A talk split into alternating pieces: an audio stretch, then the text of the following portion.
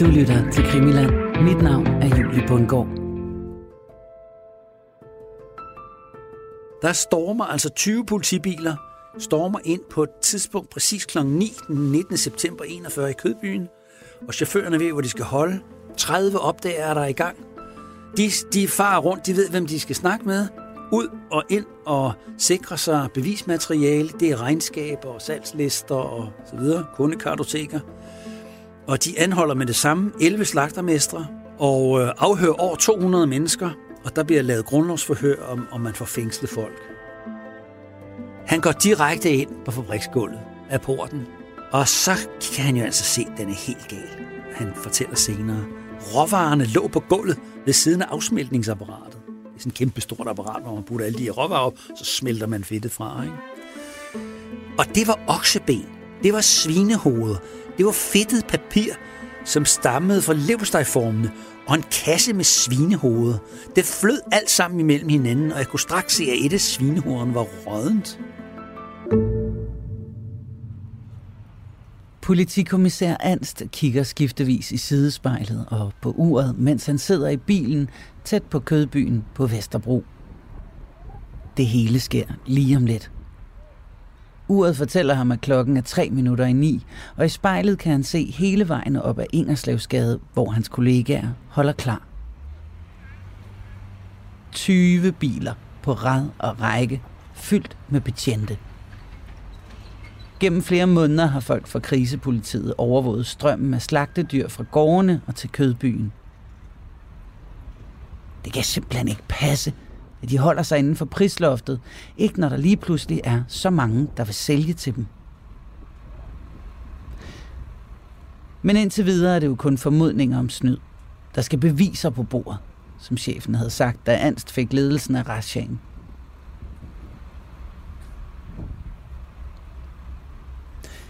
Anst trummer utålmodigt på rettet i de sidste sekunder, før han trykker hornet i bund, som er tegnet på, at nu sker det. Med det samme starter han bilen, gasser op og ræser sammen med kollegaerne den korte tur ned til Kødbyen. Inde i Kødbyens slagtehaller er arbejdsdagen i fuld gang, da politikommissær Anst og hans mænd fra krisepolitiet stormer ind ad dørene. Så, nu holder I jer bare helt i ro, så skal I nok komme tilbage til arbejdet. Vi skal bare lige snakke med nogle af jer først, siger Anst ud i slagtehallen. Slagterne står som nærmest lammede og ser til, mens politifolkene vrimler rundt i hele bygningen. Anst scanner lokalet. Men som når en løve prøver at udpege en enkelt zebra, så gør de mange mænd i hvide kitler det svært at skelne mellem de enkelte personer. Pludselig kan han se, at der er en person nede i den anden ende af fabrikshallen, der tager meget hurtige og målrettede skridt ud mod gangen uden for hallen. Hans når lige at se et ben og en skosål blive trukket med ud af fabrikkens dør. Han skynder sig at følge med, og kan konstatere, at den flygtende havde sænket farten ude på gangen, måske i troen om, at han var undsluppet. Men der har Anst ham fanget. Nå, slagtermester, du vil vist gerne selv vise mig, hvor jeres regnskaber er, siger Anst mens et tilfreds smil et kort øjeblik glider hen over hans ansigt. Operationen er lykkedes.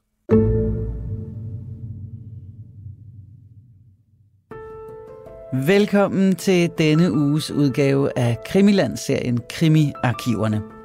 En serie, hvor vi skruer tiden tilbage til omkring 2. verdenskrig og tager et kig på datidens spektakulære kriminalsager. Mit navn er Julie Bundgaard, og jeg er din vært, og sammen med forsker og forfatter Christian Holtet, så har jeg tidligere dykket ned i min egen morfars kriminelle historie i den serie, der hedder Æderkoppen og min morfar, som du kan finde i øh, Krimilands podcastarkiv i Radio 4-appen. Siden den serie sluttede, så har Christian fundet frem til flere historier fra den periode, og gennem datidens aviser og arkivalier fra Rigsarkivet, så fortæller vi her i denne her serie, Krimiarkiverne, hver gang en enkelstående historie fra den periode, der ikke uden grund kaldes for den mest kriminelle i dansk historie. I dagens afsnit, der ser vi nærmere på en række sager, som alle omhandler kødproducenten Holberg. Og ja, det er den Holberg, som øh, gennem et opkøb senere bliver til Steff Holberg, og som vi øh, kender i dag som pølsefabrikant. Men øh, i 1940'erne, der er det altså stadigvæk et andet og selvstændigt firma. Og hvis du undrer dig over, hvorfor vi understreger forskellen nu, ja, så lyt med den næste times tid, hvor vi fortæller om brødrene Holbergs svindelnummer. I et afsnit, vi kalder Skidt, Fedt og Snyd hos brødrene Holberg. Men inden vi tager hul på den relativt lange række af eksempler, hvor brødrene Holberg bliver taget i snyd, så får Christian lige lov til at fortælle, hvem brødrene og firmaet er, inden 2. verdenskrig bryder ud. For netop 2. verdenskrig bliver, som for mange andre, et vendepunkt for Holberg. Det er Erik og Arne Holberg. Ja. Og vi skal tilbage til 1940'erne, hvor de her to brødre, de er direktører i Holberg-koncernen. Mm. Det er en meget stor virksomhed på det her tidspunkt. Og de laver altså utrolig mange forskellige slags produkter. De har 500 mennesker ansat, og hovedbeskæft, eller hovedsædet, eller der, hvor de producerer, det ligger jo i Hvide Kødby, mm. København, centrum af København. Og Holberg-brødrene, de er ganske unge. Erik han er 29 år, og Arne han er 28 år. Og det er, de har overtaget den her virksomhed efter deres far, som dog kun har siddet kort tid. Det er bedstefaren, som har startet det nogle år tidligere. Og han har drevet Holberg frem til at være en meget velrenommeret virksomhed. Holberg, det er sådan, det, er kvali- det, det står for kvalitet. Mm. Det står altså for de fineste slagtervarer, det fineste råvarer, og man sætter jo typisk til andre, altså man, man, man fabrikerer ting på baggrund af, at man køber altså grise og køer og, og andet, altså kød ind, og så forarbejder man det i en eller anden form, så sender man det videre til slagtere. Mm. Så køber forbrugeren, de køber det så igennem slagterne. Men, men noget af det laver de jo så også som konserves, eller, eller på anden vis pakket, hvor de så har deres firmanavn på. Så det er sådan lidt en blandet handel, men, men de, er meget, de er meget velrenommerede altså, på det her tidspunkt. Der er en annonce, som er sådan lige fra slutningen af 30'erne, og der skriver de så, at nu er Holbergs halve grise, de er på banen igen. Nej, det, det er mig, der siger det. Men altså, de er Holbergs halve grise. De er udsøgt af de fineste blåstempede eller lurmærkede grise, tilskåret og nedsaltet i prima asketræskønner tønder. De leveres nu til handlen over hele landet, da navnet Holberg borger for absolut førsteklasses kvalitet. Så er det i og for sig unødvendigt at tilføje yderligere kommentarer. Men vi tillader os alligevel at fremhæve, at behandlingen og nedsaltningen bliver foretaget efter de mest moderne saltemetoder, der garanterer flæskets holdbarhed og velsmag over en længere periode. Så frem det bliver opbevaret i, i, i lokaler, hvor temperaturen ikke overstiger 10-12 grader, så fortsætter det sådan til det ærede publikum osv., afgive deres bestilling til de handlende. Altså det er sådan, sådan slår man sig op, og det er almindeligt accepteret på det her tidspunkt. Og de her to unge direktører, de er jo altså, de er jo i bladene, og de er kendte, og de er succesrige, og de er rigtig, rigtig velhavende. Jeg har sådan prøvet at undersøge lidt om deres baggrund. Øh, Arne, han har, fået, han har fået anskaffet sig en kæmpe villa på Tranegårdsvej i Gentofte. Altså, det er virkelig en klods, som man bliver misundelig at bo, at se ham bo i. Det er ambassadekvarteret ja, i dag. Det, ja, og, det, og broren Erik Holberg, han bor på Ryvangs Allé 46. Det er også formentlig sådan noget ambassadeagtigt i dag, ikke? Altså nogle virkelig, virkelig altså fashionable adresser. Mm. Og de kører jo altså de fineste biler, de største biler, man kan opdrive på det her tidspunkt, ikke? Og færdes på de fineste restauranter med de smarteste, smarteste jetset, man overhovedet kan opdrive i København på det her tidspunkt. De er en del af det bedre borgerskab. De er en del af det bedre borgerskab, ja. Senere bliver de en del af æderkopkredsen, men det kan vi vende ind på, komme ind på senere. Mm-hmm. men på det her tidspunkt, der er vi jo altså lige i slutningen af 30'erne og begyndelsen af 40'erne, hvor de altså, altså står i spidsen for den her virksomhed. Brødrene, der overtager den velrenommerede slagtervirksomhed, lever godt, og det går i det hele taget godt for Holberg. Pølser er også dengang en dansk favoritvare.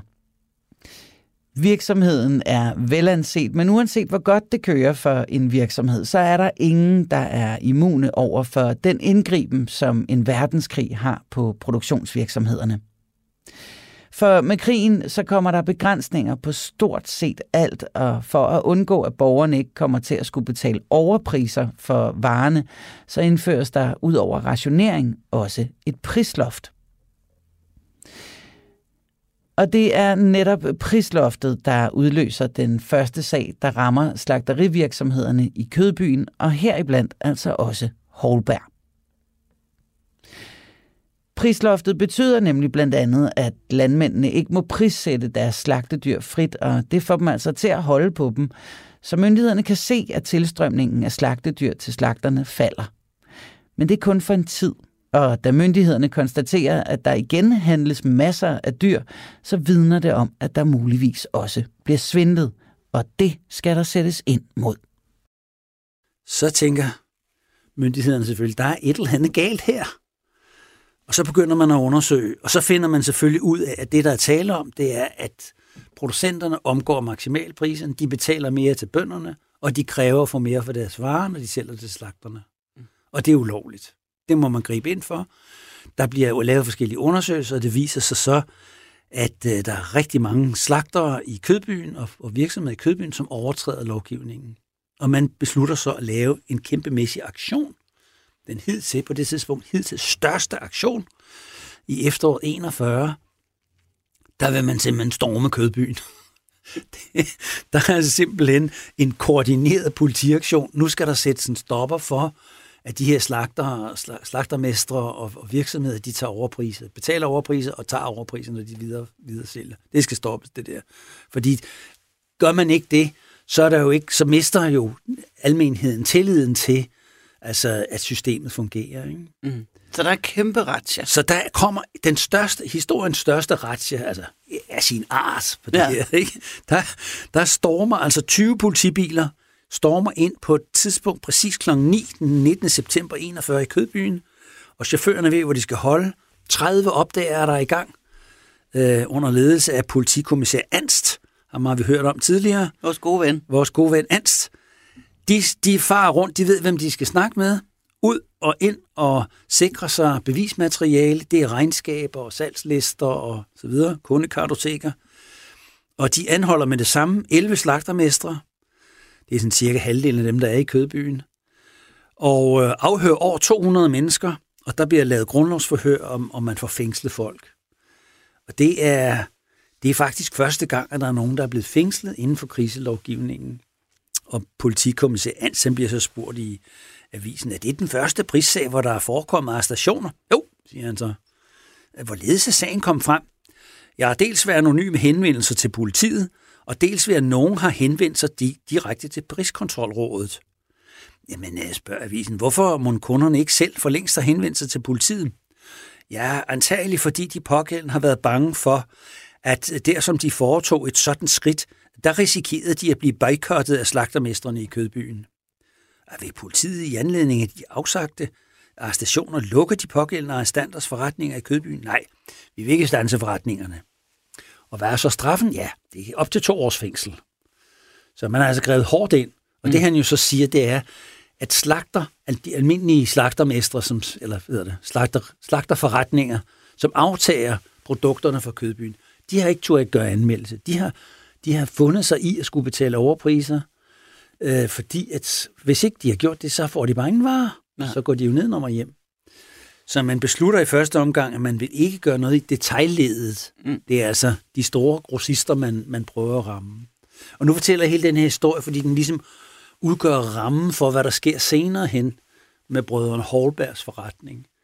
Øh, fordi ellers så kan det være lidt vanskeligt at forstå, hvorfor de handler sådan, som de gør. Mm. Men det er altså på baggrund af en situation, hvor tilførselen af kød er begrænset, og hvor altså, man som hvad skal man sige, erhvervsdrivende altså er nødt til i virkeligheden at betale mere for at få noget at have i sin fabrik, altså for hele tiden at have nogle råvarer og have noget salg, ikke? Ja. så er man nødt til at prøve at omgå systemet og prøve at lave nogle ulovligheder. Og så prøver myndigheden selvfølgelig at bekæmpe det der. Stormen på Kødbyen er første gang, at kriselovgivningen fører til fængslinger, men trods det, så bliver der altså ikke lukket nogen virksomheder. Og det kan måske virke specielt, at alle slagterivirksomhederne får lov til at fortsætte, efter at de er blevet taget i at bryde kriselovgivningens prisloft. Men hvis man tænker på, hvordan det ville kunne skabe yderligere flaskehalse på fødevaremarkedet, hvis man lukkede virksomhederne, så giver det vel meget god mening. Men stormen på Kødbyen og brudet på prisloftet, det er bare det første i en lang række sager mod Holberg, som kommer i kølvandet på krigens varer og materiale knaphed. For mens politiet har undersøgt hele Kødbyen for brud på prisloven, så har de haft en særlig mistanke om, at Holbergs kerneprodukt, fineste stege og bordfedt, ikke lever op til lovgivningen. Og der er det jo, det er jo vanskeligt at få fat i, i ordentlige råvarer. Så der er de altså så, måske, i hvert fald hvad politiet mistænker dem for, taget til nogle ulovlige metoder. Og det starter med, at man siger, jamen vi vil sigte dem for vareforfalskning, og vi vil sigte dem for bevidst overtrædelse af prisloven, og vi vil sigte dem for at lave altså fedt af, af, af hvad skal vi sige, ikke altså ikke kurante varer, om så man sige. Det, altså, fineste stegefedt, det skal laves af flæskesteg eller af skinke, hvor man koger fedtet af. Mm. Og så skal det være svinefedt. Det er sådan, det er, ikke? Det er det fineste, fineste stegefedt, ikke? Så må der ikke komme noget andet i, altså. Mm. det er sådan set meningen, ikke? Men det mener myndighederne altså, at, at det har man gjort på Holberg. Og man har sådan noget lidt, man har lidt at bygge på, fordi man har fået klager fra forskellige forbrugere, som synes, at det, det lugter da lidt harsk, det her. Det smager da ikke, som det plejer. Og, og der er nogle af dem, der, der har, klage, der har klaget til deres slagter og sagt, og han har sagt, ja, jo, ja, men altså, det kan vi ikke lige gøre noget ved, altså, det er jo også Det er ikke, hvad det har været. Og, ja. og der er en, der er en frue, der går hen på politistationen og smider fedtet på disken og siger, den er for slem, for for satan, siger hun. Ej, det siger hun måske ikke, men altså, den er for slem, den her. Og der er sådan forskellige, der er forskellige indikationer på, at den er gal, ikke? Og så sender de så en politikommissær, som hedder Jersil, han er souschef i Sundhedspolitiet. Ham sender de på uanmeldt besøg hos Holberg. De har fået de her klager, de har fået mistanker. Der er også nogle slagtermester, som måske har sådan ymtet lidt. Ikke? Mm. De tør nok ikke sige for meget, for de er selvfølgelig også bange for, for de ikke lov at købe mere hos Holberg. Ikke? Bliver de blacklistet? Så bliver de blacklistet, ja. Men ham der Jersil, der, han er sådan en rigtig, han er sådan lidt en McCloud-type der, ikke? sådan en lidt cowboy-type der. Han gør ikke sådan, som man plejer at gøre fra politiets side. Han går direkte ind på fabriksgulvet af porten. Og så kan han jo altså se, at den er helt gal. Han fortæller senere, råvarerne lå på gulvet ved siden af afsmeltningsapparatet. Det er sådan et kæmpe stort apparat, hvor man putter alle de her råvarer op, så smelter man fedtet fra. Ikke? Og det var okseben, det var svinehoveder, det var fedtet papir, som stammede fra leverpostejformene, og en kasse med svinehoveder. Det flød alt sammen imellem hinanden, og jeg kunne straks se, at et af svinehovederne var rådent. Altså, han kommer altså ind der, og han er jo en mand, der har forstand på det. Han er jo ikke sådan bare en tilfældig politimand. Det er en mand, der arbejder i sundhedspolitiet, så han ved, hvad han skal kigge efter. Mm. Så han, øh, han kan jo med det samme se, den helt galt, den her. Ikke? Så han, han har også taget et par medarbejdere med. De får, de får udtaget en prøve. De tager 40 kilo af, af det her materiale, der ligger. Og det, øh, det sender de så til, øh, til et laboratorium, og så skal de have, så skal de have testet det. Og så, så i den erklæring, der så senere bliver fremstillet det der, der, der står der så, at prøven den viste et overvejende indhold af okseaffald. Den vejede 40 kilo, den her prøve. Her var 8 kilo oksehovedknogler med tænder. 5,6 kilo var svinehovedknogler med tænder. Resten omfattede stumper af knogler, kødaffald, seks hestetænder, træsplinter, sejlgarn og væske. Erklæringen tilføjede samtidig, at det beslaglagte svinehoved, det var det, han havde kigget på, det var slimet og rådent. og alle de her prøver, det er optaget fra et snavsegulv, der er sådan en lang beskrivelse af, hvor usandsynligt uhygienisk de har fremstillet det. Plus, det er jo altså ikke svinkød. Ej. Det er jo altså, hvad de har fået fat på. Det er den sikkert et tilfælde, der ikke også har været nogle æsler i blandt. Det er der måske de andre dage.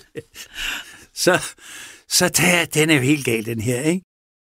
Rygter og klager over Holbergs fineste stege- og bordfedt, får politiet til at undersøge produktionslokalerne, og her får de bid. Politiet sigter Holberg for vareforfalskning, brud på prisloven og produktion af fedt med ukurante varer. Og her er ukurante varer vist nærmest en underdrivelse, når man hører, hvad kommissær Jersild fra Sundhedspolitiet finder ud af, at Holberg bruger i deres fedt. Så med meget håndfaste beviser, så har Sundhedspolitiet en sag. Og så, øh, så sigter de jo så direktøren der for det her, ikke? Og Jersild, han, han gør så det, han, altså, mens han er derude, øh, og de sender det her til, til prøvning, så beordrer han alt det, der ligger i området, det skal sendes til destruktion direkte med det samme. Ikke? Så, øh, så bliver han arresteret, direktøren, Erik Holberg, han bliver arresteret, øh, og det gør broren faktisk også. Og øh, de bliver så sigtet for det her, at de altså har svindlet med, altså svindlet med produktet. Det er jo ikke svinefedt. Det, de, man kan måske kalde det teknisk fedt, mm. men det er jo i hvert fald ikke svinefedt og stegefedt og bordfedt af fineste kvalitet, sådan som de plejer. Så det er jo altså forfalsen, ikke? Ja. Og derudover så har de jo så også prøvet at øh, altså tage overpriser for det. Der, de har fået nogle rapporter ind om, at de har solgt det alt for dyrt. De har solgt det for lidt over maksimalprisen. Men det er jo ikke for det produkt, det skulle have været solgt som teknisk fedt, og det er kun en tiendel af prisen. Ikke? Ja. Så de har taget overpriser og fået sig en, en, altså en urimelig høj profit. Og det må man heller ikke. Så der, der står altså, de står altså til bøde, og de står til fængsel, og de står til alt muligt andet, hvis øh, politiet ligesom kan overbevise, anklagemyndigheden kan ligesom overbevise, at, at de har overtrådt de her forskellige kriselovsbestemmelser.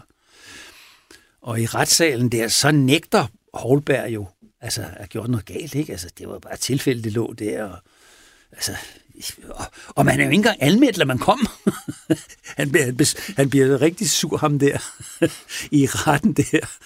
Så siger han... Så havde vi jo øh, nok ryddet op. ja, han, han siger der, at sundhedspolitiet, de har simpelthen, øh, de har simpelthen glemt at anmelde sit besøg. Og de herrer masede sig direkte ind på min fabrik, uden så meget som at have anmeldt det på kontoret.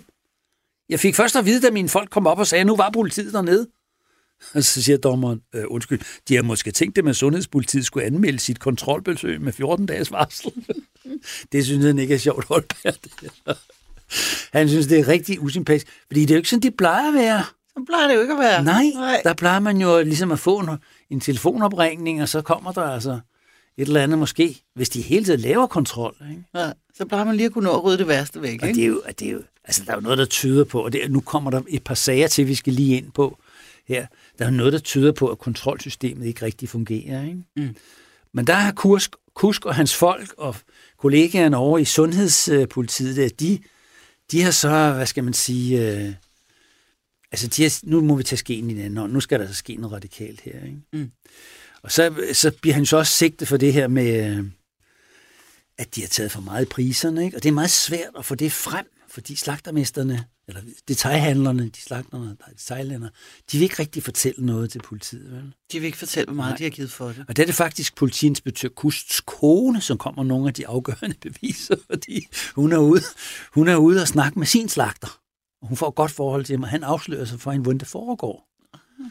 Og de køber altså det her de køber altså det her fedt af Holberg til over maksimalprisen, og for at han hele tiden skal kunne leve ham der slagter, så er han jo også nødt til at lægge lidt ovenpå. Ja. Så de altså er over maksimalprisen. Ikke? Plus det er jo så et forkert produkt. Det er jo ikke det rigtige produkt. Vel?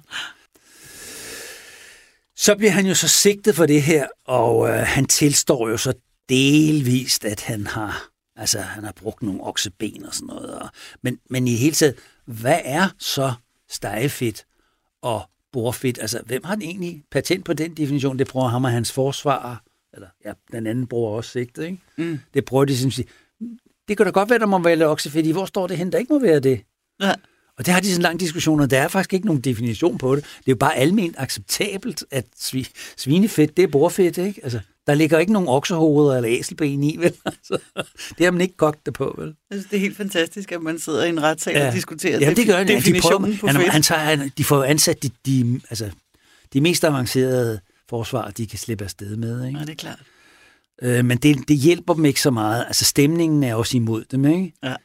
Øhm, så de får altså en, de får en, en pæn, hård dom. Ikke?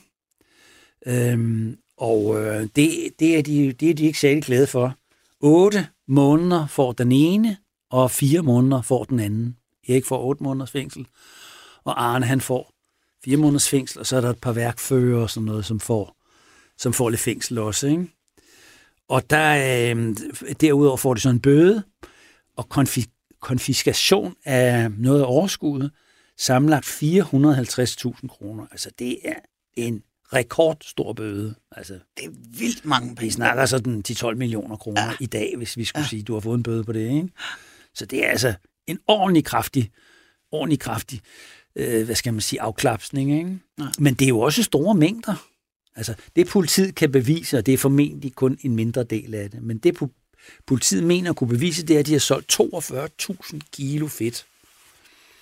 Altså, det er, det er altså en ordentlig masse, ordentlig masse dåser halv kilos fedt, der er gået ud under betegnelsen fineste fedt, men det er så virkelig været en teknisk fedt, ikke, som ja. i virkeligheden ikke burde være brugt til menneskeføde. Og det er så kun det, de kan bevise. Der det kan, kan ja, sagtens have været meget der, kan være, der har formentlig været meget mere. Direktørerne påstår ufint spil, fordi Jersils Ratsja ikke har været anmeldt. Og ja, den lader vi lige stå et øjeblik. For hvis det er en formidlende omstændighed, så ville der nok have været mange retsjaklager fra alle ender af det kriminelle spektrum. Men direktørerne bliver altså anholdt og sigtet for at lave fedt af ja, alt muligt andet end frisk svinefedt, men også for at sælge varer til overpriser. Og efter en større diskussion om, hvad bordfedt egentlig skal være lavet af, så ender det stadigvæk med en 8 måneders fængsel til Erik og 4 måneder til Arne, samt en bøde. Men med sagen om fedt endevendt, så kunne man håbe på, at forbrugerne igen trygt kunne handle Holbergs varer. Men det er jo som bekendt ikke altid, at det er nok at håbe. For der går ikke længe før en ny sag rammer brødrene Holberg, og denne her gang, der er det faktisk de ansatte selv, der gør myndighederne opmærksomme på ufint trav. Sagen starter med, at en enkelt fabriksarbejders tyveri får direktionen til at beordre alle kropsvisiterede ved fyraften, inden de forlader fabrikken. Naturligvis så bryder de andre ansatte sig ikke om at blive mistænkeliggjort på den måde, så det fører i første omgang til en strejke, som fagforeningen får afblæst dagen efter. Det er naturligvis ikke noget, der renser luften, og stemningen omkring direktør Erik Holberg efter kropsvisitationerne og en tidligere sag om vold mod en ansat, ja, den stemning den er mildest talt dårlig. Så fabriksarbejderne beslutter sig for at forsøge at ramme direktøren på kvaliteten af råvarerne. Så men de ved ikke rigtig, hvad de skal gøre. Så er der nogle af dem, siger, jamen, vi har jo også det her problem med pølserne. Hvad? Ja, det er jo noget værre, værre, værre noget. Men de pølser der, det er jo ikke rigtigt, at vi skal lave dem på den måde. Og det kan jo ikke være rimeligt, og det er jo kvaliteten det er jo kvaliteten, det er galt med, ikke? Og det er råvaren, det er galt med, ikke? Mm. Det er noget svineri. Nu skal han fandme have. Men, men ens fagstolthed, det er jo slagteriarbejde, der er også faglærte slagter, og der er forskellige pølsemager, som alle sammen mener, at, øh, at det her, det er, det, er ikke, det er ikke rimeligt, at man laver, laver de her pølser på den måde. Og, og de udnytter situationen. Sådan går snakken jo, ikke? Ja. Så der går de til stats en statskontrollanten, en, en statskontrollant, som er dyrlæge, som er ansat i Kødbyen. Han er så, ans, han er så betalt af, af alle slagtermesterne, der, de betaler hans løn. Det er sådan lidt, man siger, åh ja, okay, for uvildig er han så, ikke? Ja. Nå, der går de så hen til ham og siger, der er, vi, der, der er noget galt med oksekødet i salteriet, siger de. Der er tusindvis af kilo kød, som er, altså, er dårligt, ikke? Åh, siger dyrlægen, øh, ja, det må du undersøge. Så begynder han selvfølgelig at vride fingre her, fordi det er jo altså Kødbyens største virksomhed, suverænt, som han skal nu ned og mistænkeliggøre ved at lave en, en, sådan man sige, en uplanlagt undersøgelse. Ikke? Og de betaler i forvejen Og de betaler hans løn, hans løn så han tænker, uh, bæ, det kan han ikke lige finde ud af, hvad han skal gøre ved det her. Vel? Så, så han ringer så til, så ringer han til sine, altså sine formelle arbejdsgivere, men som ikke betaler hans løn. Det er veterinærdirektoratet. Hvad skal jeg gøre med det her? Jeg har fået en anmeldelse om, at der ligger noget dårligt kød der hos Holberg. Mm. Uh, de sidder også og vrider. Holberg, uh, det er jo den store... Uh. Ja, men de må jo hellere prøve, om de kan undersøge sagen og sådan noget. Ja, det vil han så ikke lige, og han står og tøver og sådan noget. Og så, øh, så begynder arbejderne at blive så modige for alt det. Det tager jo altså timevis, ikke, hvor de sidder og vrider hen, og alle de der, der egentlig skulle kontrollere og striks springe til, hvis der er bare det mindste galt ikke, på Præcis. forbrugernes vegne. Ja. Så siger de, hvis ikke du øh, kommer i gang nu, så ringer vi til politiet.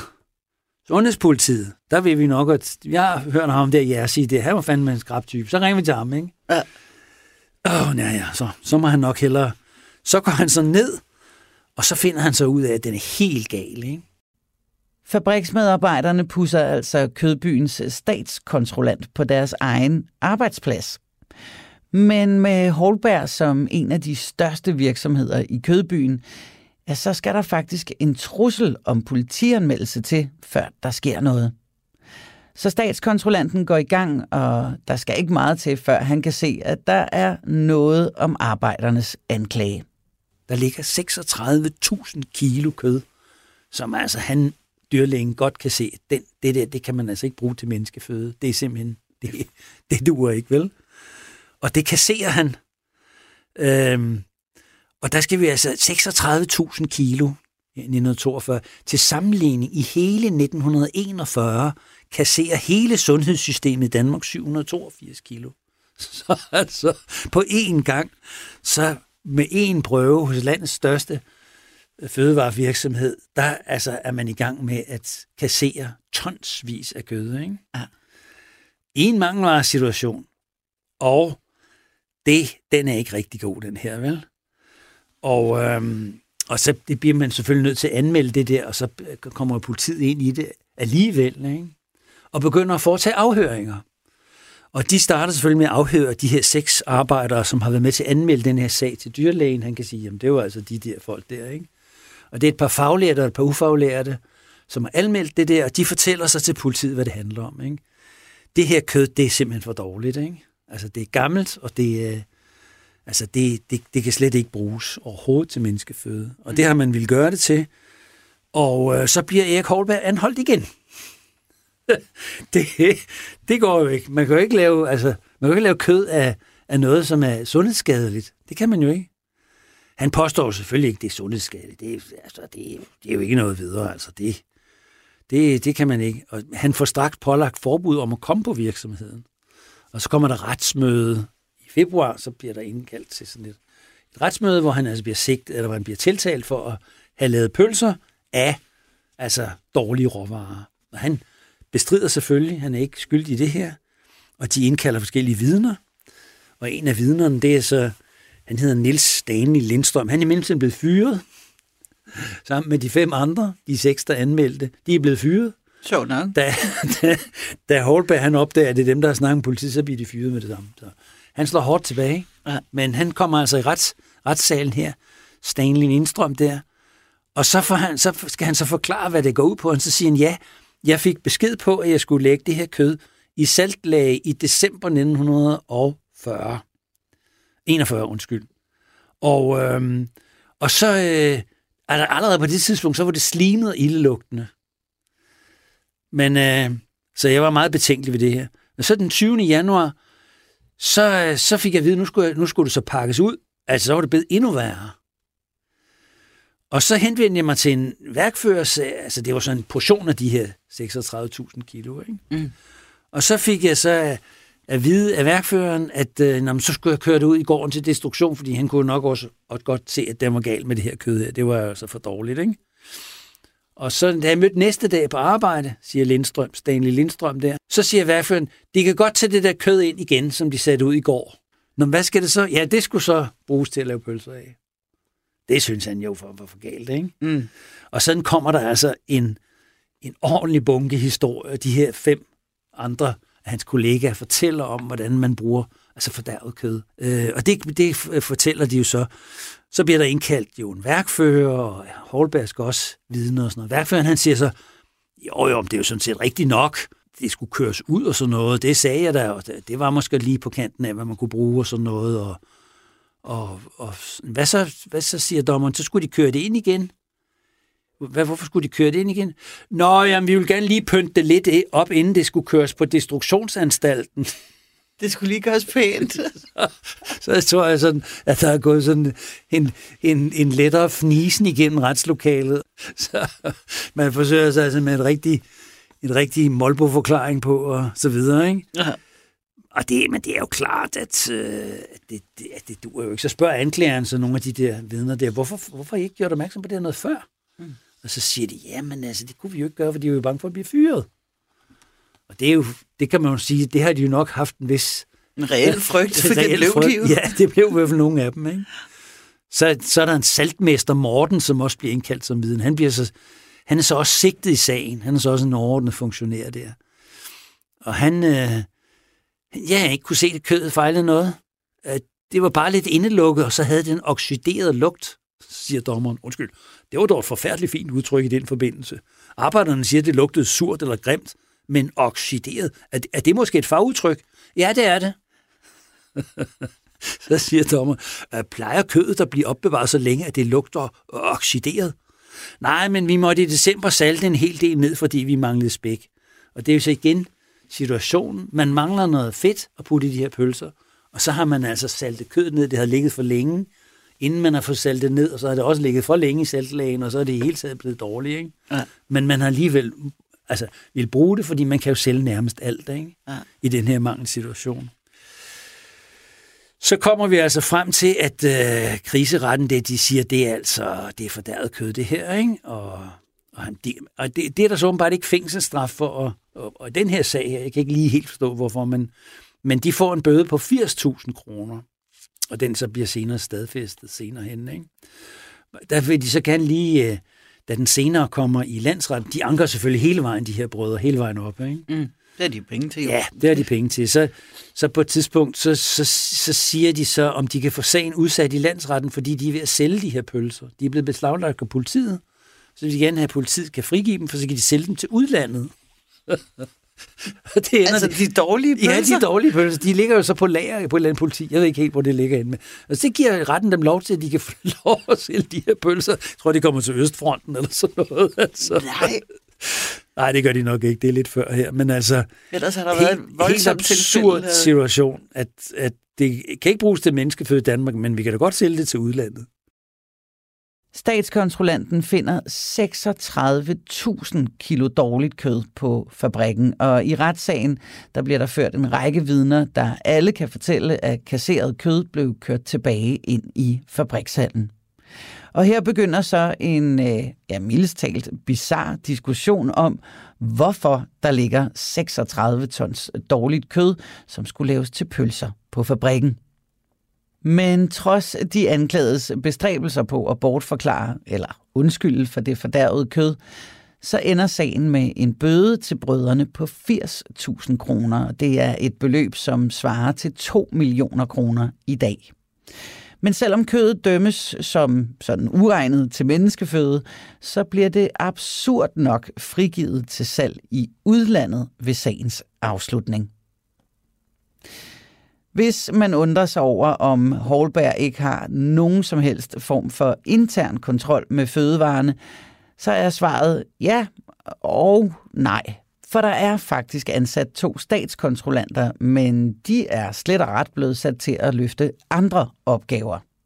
I Holbergs tilfælde så er den ene blevet portner, og en anden er beskæftiget et andet sted i fabrikken, men altså ikke med kontrol. Men med adskillige sager som fedt- og pølsesagen, så styrt dykker Holbergs renommé forståeligt nok. Og her begynder det så for alvor at blive en lille smule specielt. For hvor man i andre sager måske vil kunne undskylde dem en smule på grund af krigens ressourceknaphed, så er sagerne om Holberg mere hmm, spektakulære. Men det får jo, altså, det får jo en utrolig øh, betydning for Holbergs salg, kan man sige. Ikke? Det er klart. Fordi at øh, det, det skriver man jo om i aviserne, det her. Og så begynder kunderne at boykotte Holberg. Mm. Øh, hvor meget det har ramt, det kan være svært at sige, fordi der er jo en mangelsituation, så der er måske mange, der har sagt, så må vi jo prøve at lugte os frem, ikke? men vi skal jo have noget fedt på brødene. Ikke? Men de prøver også, Holberg prøver også, om de kan omgå det her, så de indgår, de indgår et, øh, et, et, en alliance med et andet firma, som hedder Lykkeberg. Det er fordi, der er mange af, af kunderne, som vil ikke købe noget, der står Holberg på. De laver dåser, de laver dåsepølser, og de laver altså dåse skinker og ting. Altså, ja, der skal man jo se deres fine, altså, deres fine logo der, ikke? Jeg tror, Lykkeberg kan man stadig... De laver sådan noget fisk på dåse. Ja, jeg ved ikke, om det er den samme virksomhed, ja. men øh, muligvis. Ja. Men der, der indgår de en alliance med dem, og så får, så får Holberg Lykkeberg til at sætte markader på Holbergs produkter. Aha. Og det, der en slagter op, det er på den måde, at det er godt nok et andet papir, der sidder rundt om. Dengang trykker man ikke på dåsen, tror jeg. Mm. Så det sætter man sådan et papir rundt om, og der er så sat et nyt papir, så står der Lykkebergs dåseskinke eller sådan noget. Ikke? Øh, men han opdager så, at da han tager etiketten af, så kan han se, at i selve dåsen er stemplet et statskontrolleret nummer. Og det er hver slagterproducent har sit statskontrollerede nummer, og Holberg har nummer 352. Og det kan han se, det står stemplet i dåsen. Det kan de ikke kunne fjerne. Mm. Så han opdager altså, at det er fusk. De forsøger simpelthen at snyde med det. Ikke? Og så er der en, øh, en, altså en hel række andre øh, ting, der sker. Blandt andet, så begynder der at cirkulere små markader, der bliver sat op rundt omkring. Øhm, I forbindelse med både fedtsagen og, øh, og den her pølsesag så begynder der at blive klistret små plakater eller markater, der bliver sat op rundt omkring. Og der, der på billedet er der sådan et dødningehoved med sådan, altså tre kors, alvorlig farlig gift, ikke? Ja. Øverst op, så står der, støt ikke folkeforbryderne. Så rundt om det der dødningehoved, der så står der Holbergs gift. Så altså, det er sådan en, altså, man kan kalde det sort propaganda, ikke? Ja. Og på nogle af dem, der står der nedenunder, følg Vilfred. Og det er så en nazistisk udbrydergruppe af DNSAP, Danmarks Nationalsocialistiske Parti, som har klistret de her plakater op. De trykker også en øh, sprallemand af Fritz Clausen, som er formand for nazistpartiet på det her tidspunkt. Og der kan man så hive i snoren, så spræller Fritz Clausen, han har så nazi-uniform på, mm og så spræller han så, og i den ene hold, der har han en pølse, og så står der Holberg på pølsen. Okay. Og i den anden, der har han en dåse Rikskaffe. Han ser selvfølgelig opblæst ud og halvalkoholiseret og så videre. Ikke? Ja. Og det er sådan et led i den der interne kamp, der er mellem de her to nazistpartier, hvor udbryderne, de, de hader Fritz Clausen. Jeg tror nok, et af, af anstødspunkterne er, at, at Vilfreds parti der, de mener, at Fritz Clausen ikke er antisemitisk nok og sådan noget. Men, og så derfor så, så mener de ikke, at man, altså de er ikke rigtige nazister i hvert fald. Men så de, de, de, de, de, de, der kommer Holberg jo altså ligesom ind i den fejde der, hvor de ligesom bliver en del af hele det der nazistmiljø. Og øh, det er der så også en, en vis grund til, at de prøver at hænge Holberg ud, fordi både Erik og broren er faktisk medlem af DNSAP på det her tidspunkt. Okay. Så de er partimedlemmer, og de er jo også værnemagere, og det, som øh, altså, der er nogen, der beskylder dem for, jeg ved så ikke, om det er rigtigt, men blandt andet kommunisterne beskylder jo Holberg for at, øh, at altså, støtte nazistpartiet, støtte Fritz Clausens parti. Ikke mm. Vilfreds parti, men, men, men Fritz Clausens parti. Det er så det, han prøver at gøre grin med Vilfred Petersen fra udbrydergruppen. Men Axel Larsen, han, han udtaler jo så på et tidspunkt i Folketinget, det er inden de bliver fængslet, det er så inden, inden uh, der i 41, ikke? Så siger han så, et rigtig særligt krast eksempel på en prisåer af har pølse- og fedtfabrikant Holberg, der for øvrigt er medlem af Spadehuggernes Parti, og som i ly af smørrationeringen øh, tjente 100.000 når på uberettiget prisforholdelse af sine varer. Mm. Så de kommer altså, man kan sige, de kommer rigtig, rigtig, rigtig altså hårdt i, øh, i klemme her. Ikke? Folkevidet øh, tager dem også under hård behandling. Det kunne man godt forestille de har, sig. De har sådan en slogan, der hedder, Holbergs pølser, det er mad, der gør maven mæt og glad. Mm. Altså, det er, jo, det er jo sådan et godt slogan, ikke? Det bliver så lavet om til, at drengene på gaden, Holbergs pølser, det er mig, der gør ma- maven skidt og sløj. det er sikkert også ret sandt, ikke? Det begynder altså at gå relativt skævt for den ellers velrenommerede slagtervareproducenter. Det går faktisk så skævt, at øh, de forsøger at sælge varer under et andet mærke. Men ud over sagerne fra produktionen af pølser og fedt, så bliver Holberg-brødrene også ramt af en række krisesager.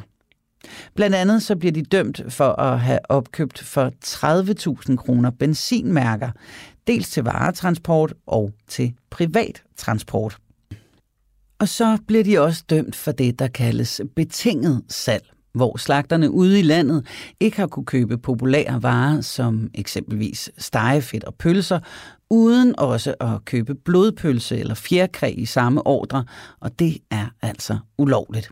Og inden vi bevæger os videre, så skal jeg måske også lige præcisere, hvad Christian mener, når han siger sort propaganda, hvis det ikke skulle stå helt klart.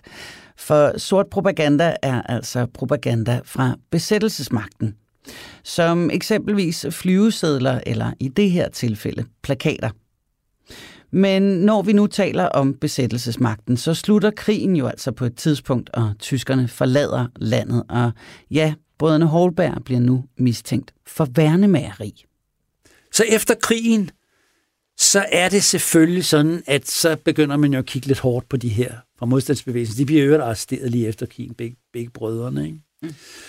Og, øh, men man finder sig... Bliver de arresteret for at være nazisympatisører? Eller? Altså alle, som jo har været mistænkt for at have samarbejdet med tyskerne på en eller anden måde, eller været værnemager, ja. de bliver jo, altså, der er jo en kæmpe arrestationsbølge lige efter 5. maj, ikke? Og der ryger de sig med og sidder altså nogle, noget tid, jeg ved ikke præcis hvor længe. Mm. Men der bliver aldrig nogensinde rejst en sag for værnemageri mod dem. Det har undret mig en lille smule. Men dem, de har åbenbart kunnet sige, at det gjorde vi efter ordre, eller altså regeringen sagde, at vi skulle vi skulle være, altså det er ligesom med de store entreprenører, der arbejdede over i Jylland, der blev der heller ikke rejst sag med dem, fordi de kunne sige, jamen vi har gjort det efter ordre fra regeringen, som sagde, at det var nødvendigt af hensyn til tyskerne. Ikke? Ja. Så man har åbenbart haft en eller anden, man har kunne sandsynliggøre en eller anden form for, for besked fra, fra højere myndighed, for man har handlet i, i nationens tjeneste. Så der bliver ikke rejst sag imod dem. Og så, men Erik Holberg, han har, han har problemer med at komme i firmaet. Han er stadigvæk direktør, men man vil jo ikke se ham. Altså, arbejderne vil ikke se på manden. Han er Nej. meget upopulær. Og på et tidspunkt, så, så siger de, hvis han viser så strækker vi igen. Så han er nødt til at lede det sådan lidt på afstand. Så, efter, så er der gået et par år der, så i december 47, så tænker jeg, nu, nu kan jeg vist godt vise mig. Ikke? Så kommer han og viser sig på fabrikken. Bum! Så nedlægger de arbejdet med det samme der han er nødt til at gå igen. Altså, der bliver, arbejdet bliver simpelthen ikke genoptaget, før han, øh, før han går igen. Altså, forestil dig, den øverste direktør kan ikke komme på sin egen virksomhed. Han, han har brugt en ejer aktiemajoritet i virksomheden. Han kan bare ikke vise sig. Han er en af de første med hjemmearbejdsplads. Det er, sådan en form for, det er sådan en form for selvetableret arbejderkontrol, kan man sige. Ikke? Ja, hvor han bliver den første med hjemmearbejdsplads. ja, det må man sige, ja. Det er måske det, der han er forløber for det. Altså, altså han, han virker som om, han, er kommet lidt for hurtigt ind i direktørjobbet, lidt for ung, og ligesom er født Præcis. ind i det, og ikke helt måske har nået at få en fornemmelse for, hvad det vil sige at være en leder, som også skal være respekteret og afholdt, hvor det kan, kan gå rigtig godt. Ikke? Ja, og den anden vej skal respektere tilbage. Ikke? Han, øh, han og broren, de, øh, de har jo så, altså, de kan godt lide at omgås jetsætte, men de kan også godt lide at omgås, hvad skal vi sige, flossede forretningsfolk. Mm-hmm. Og øh, nogle af dem, som han, de omgås, de her brødre, det er jo så møbelhandler Linde, som jo senere bliver tiltalt i den store æderkopsag, sammen med Hasselstrøm. Og, øh, og da, da den sag begynder at rulle der fra 1949 frem, der bliver begge brødrene, øh, de bliver så afhørt af politiet. Hvad kender I til de her gutter her? Vi har fået nogle oplysninger om, I måske har noget, haft noget med de her folk at gøre. Mm. Hasselstrøm og Linde. Og så begynder de at forklare, ja, de kender da ganske vist Handelsstrøm, og det er ikke fordi, de kender ham særlig godt. Det, det er da påfaldende mange af de her forretningsfolk, som omgår sådan, jamen vi ved godt, hvem man er, vi har da mødt ham, og vi har da købt en bil og sådan noget, men, og det er den samme historie for hver gang. Men så kender han Men så heller ikke mere, nej. det er ikke noget sådan, altså. Det er ikke noget... Jeg har aldrig drukket en whisky nej, med ham. Nej, nej. Altså, jeg, Erik har været lidt på jagt med ham og sådan noget, ikke? men uh, ellers har de vist ikke lavet noget. Men, og det, det, vi ved jo ikke præcist, hvad der foregår, om de har haft, men, men de handler biler. Altså, Erik køber sine biler til firmaet, køber han gennem Linde, øh, og Arne, han køber privatbiler. Dem køber de så via firmaet. Dem køber de hos Hasselstrøm, Så de har altså en, en livlig handelsforbindelse med hinanden. De køber og sælger. Og Linde, han er jo, han har jo, han er jo kendt, han er jo sådan en, der omgås fine folk, grever og den slags, ikke? Altså alle Lindes bekendte, det er jo sådan nogle flossede forretningsfolk. Altså det er fiskeeksportører, som er smugler og grever, som, som har lidt uh, fiskekutter, som ikke helt kan gøre red for, hvad skal bruges til, og automobilforhandlere, som samtidig smugler tæpper fra Sverige og Hasselstrøm og sådan nogle typer, ikke? Ja. Men han omgås sig altså også Holberg-brødrene, ikke? Deres onkel, det er jo det er jo ham, der har restaurant Rex, hvor de alle sammen spiser. også med hinanden. Søren Holberg. Rex, som ligger i Dronninggården, eller lige over for Dronninggården.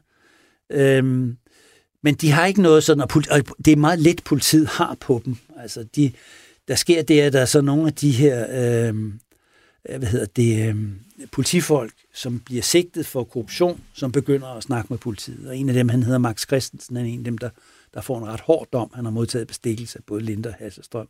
Og han siger om Holberg-brødrene, ja, det kan vi ikke kigge på dem. Jeg har ikke selv haft noget med dem at gøre, men jeg har i hvert fald to kollegaer, der har haft noget. Så nævner han så navnet på en, der hedder Simonsen, en, der hedder Fusager, som også bliver dømt. Ikke? Det er dem, der har haft med Holberg-brødrene at gøre. Nå, hvad, gør, hvad har de med dem at gøre? Ja, der er jo de her berømte onsdagsfrokoster i Kødbyen. Onsdagsfrokoster i Kødbyen, hvad går det på? Ja, hver onsdag, der spiser brødrene Holberg og Linde og Hasselstrøm og forskellige politifolk, skiftevis Fusager og Simonsen, og der er også et par stykker til, de spiser frokost sammen på et fast tidspunkt. Det er en fast tradition, de har haft i flere år. Nå, siger politiet, hvad, hvad går det ud på? Ja, det ved han så ikke lige, men det kan I jo prøve at spørge mm. Simonsen og Fusager hvad de snakker om. Hvad, fordi... hvad snakker I om det? Det vil de så ikke fortælle, da man kommer hen og spørger dem. Det står der ikke noget om i rapporterne. Og det kan vi jo så diskutere. Hvad, hvad, hvad sidder et par, par store direktører for en, for en fødevarevirksomhed og en, en, en fordækt automobilforhandler og en gangsterboss og to politifolk. Hvad sidder de og snakker om en onsdag formiddag? Det er en lidt spøjs onsdagsklub, den ja, der. Hvad, har de, hvad kan de have fælles? Ja, det... Hvad kan man gætte sig til, de har snakket om? Skulle det være noget med noget sort børs på nogen måde? Ja, eller? det kunne det være, ja. ja. Det kunne være, man skulle kunne indkøbe. Det kunne være ægte tæpper. Det, det kunne være noget whisky, man skulle købe. Det kunne være nogle andre ting. Det kunne være nogle biler, man skulle importere. Den seneste amerikanske model. Der, der kan være mange forretningsmæssige ting, ja. man kunne finde på at snakke om. Ikke? Ja. Øh, Udover at man selvfølgelig kender hinanden og kan have det sjovt sammen. Ikke? Men hvad jeg tror, den, det egentlige formål, tror jeg, det er, at at politifolkene er inddraget i det, fordi man gerne vil vide, hvad er det, politiet fokuserer på i øjeblikket. Mm. Altså, hvis du er en forretningsmand som Holberg, Søren Holberg der, øh, undskyld, Erik Holberg og Arne Holberg, hvis du er sådan en type, som har haft fire-fem sager under krigen, øh, og her efter krigen, hvor de sådan, altså, kan operere lidt mere frit, men hvor rationeringen og, og begrænsningerne stadigvæk eksisterer, så er man måske sådan blevet lidt interesseret i at finde ud af, hvad er det egentlig, politiet går og koncentrerer sig om? Ikke? Mm. Og hvad er det især krisepolitiet går og koncentrerer sig om? Er, er det nu, vi skal lave vores julenummer, eller skal vi måske lige holde lav profil i øjeblikket? Hvad siger de, Fusager eller Simonsen, eller hvem der nu har været med? Ikke? Ja. Hvad, hvad, hvad snakker ham Agdal om i øjeblikket? Hvor er de skal sætte kræfterne ind? Altså, altså, eller tips om, jamen nu kommer der retsja, eller nu vil man altså, sætte ind over for de og de områder. Ikke? Altså, det er sådan nogle ting, jeg tror, at politifolkene har bidraget med, det har de selvfølgelig fået nogle penge for, udover at de har fået en god frokost. Ikke? Og forretningsfolkene har fået noget oplysninger, de har kunne bruge, så de måske kunne undgå at blive fanget i noget, noget kriminalitet. Ikke? Ja. Men det er så deres eftermæl. Så ender det jo så med, at uh, Holberg uh, går for lidt. Virksomheden går for lidt i 59. Uh, og så bliver den opkøbt af nogle andelsslagterier. Uh, man er bange for, at det skal gå på amerikanske hænder. Og så bliver det fusioneret med en, en anden virksomhed, som er Steffen, så det kommer til at hedde Steff Holberg. Øhm, og så ryger Holberg-brødrene ud af den daglige ledelse, og ikke noget mere, der gør efter. Men navnet hænger så ved. Mm. Altså, som, og så må vi selvfølgelig sikkert retfærdigt sige, at jeg tror, at kvaliteten så er blevet i orden sidenhen, hvad det angår deres pølser.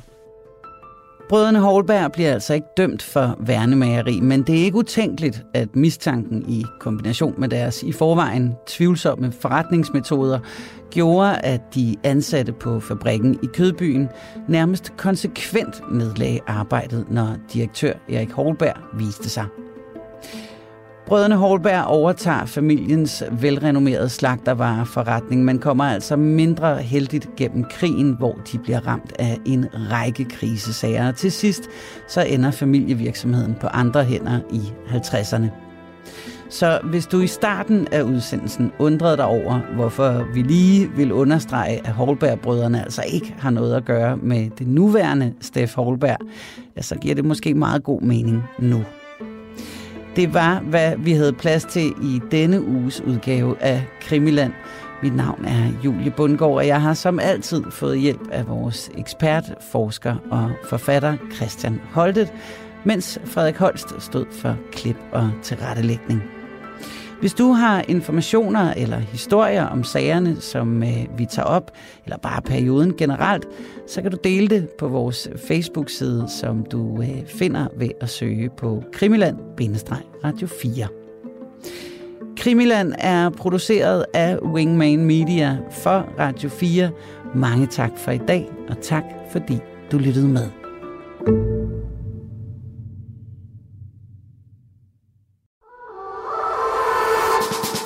John Paul George Ringo. Det er nærmest et børnerim. I årvis har man diskuteret, hvem der egentlig var den femte Beatle. Jeg synes ikke, det er helt forkert at sige, at The Beatles er en af de 20. århundredes største myter. Over sommeren sætter Beatles-nørderne Christoffer Lind og Nils Jakob Myge jagten ind på at finde den, som har gjort sig fortjent til titlen. Nu skal vi have det etableret en gang for alle. Hvem var den femte Beatle? Fra store personligheder til anonyme vandbærere, dramatiske livshistorier og tragiske skæbner. Og selvfølgelig med massevis af god musik. Lyt til jagten på den femte Beatle i Radio 4's app eller der, hvor du lytter til podcast.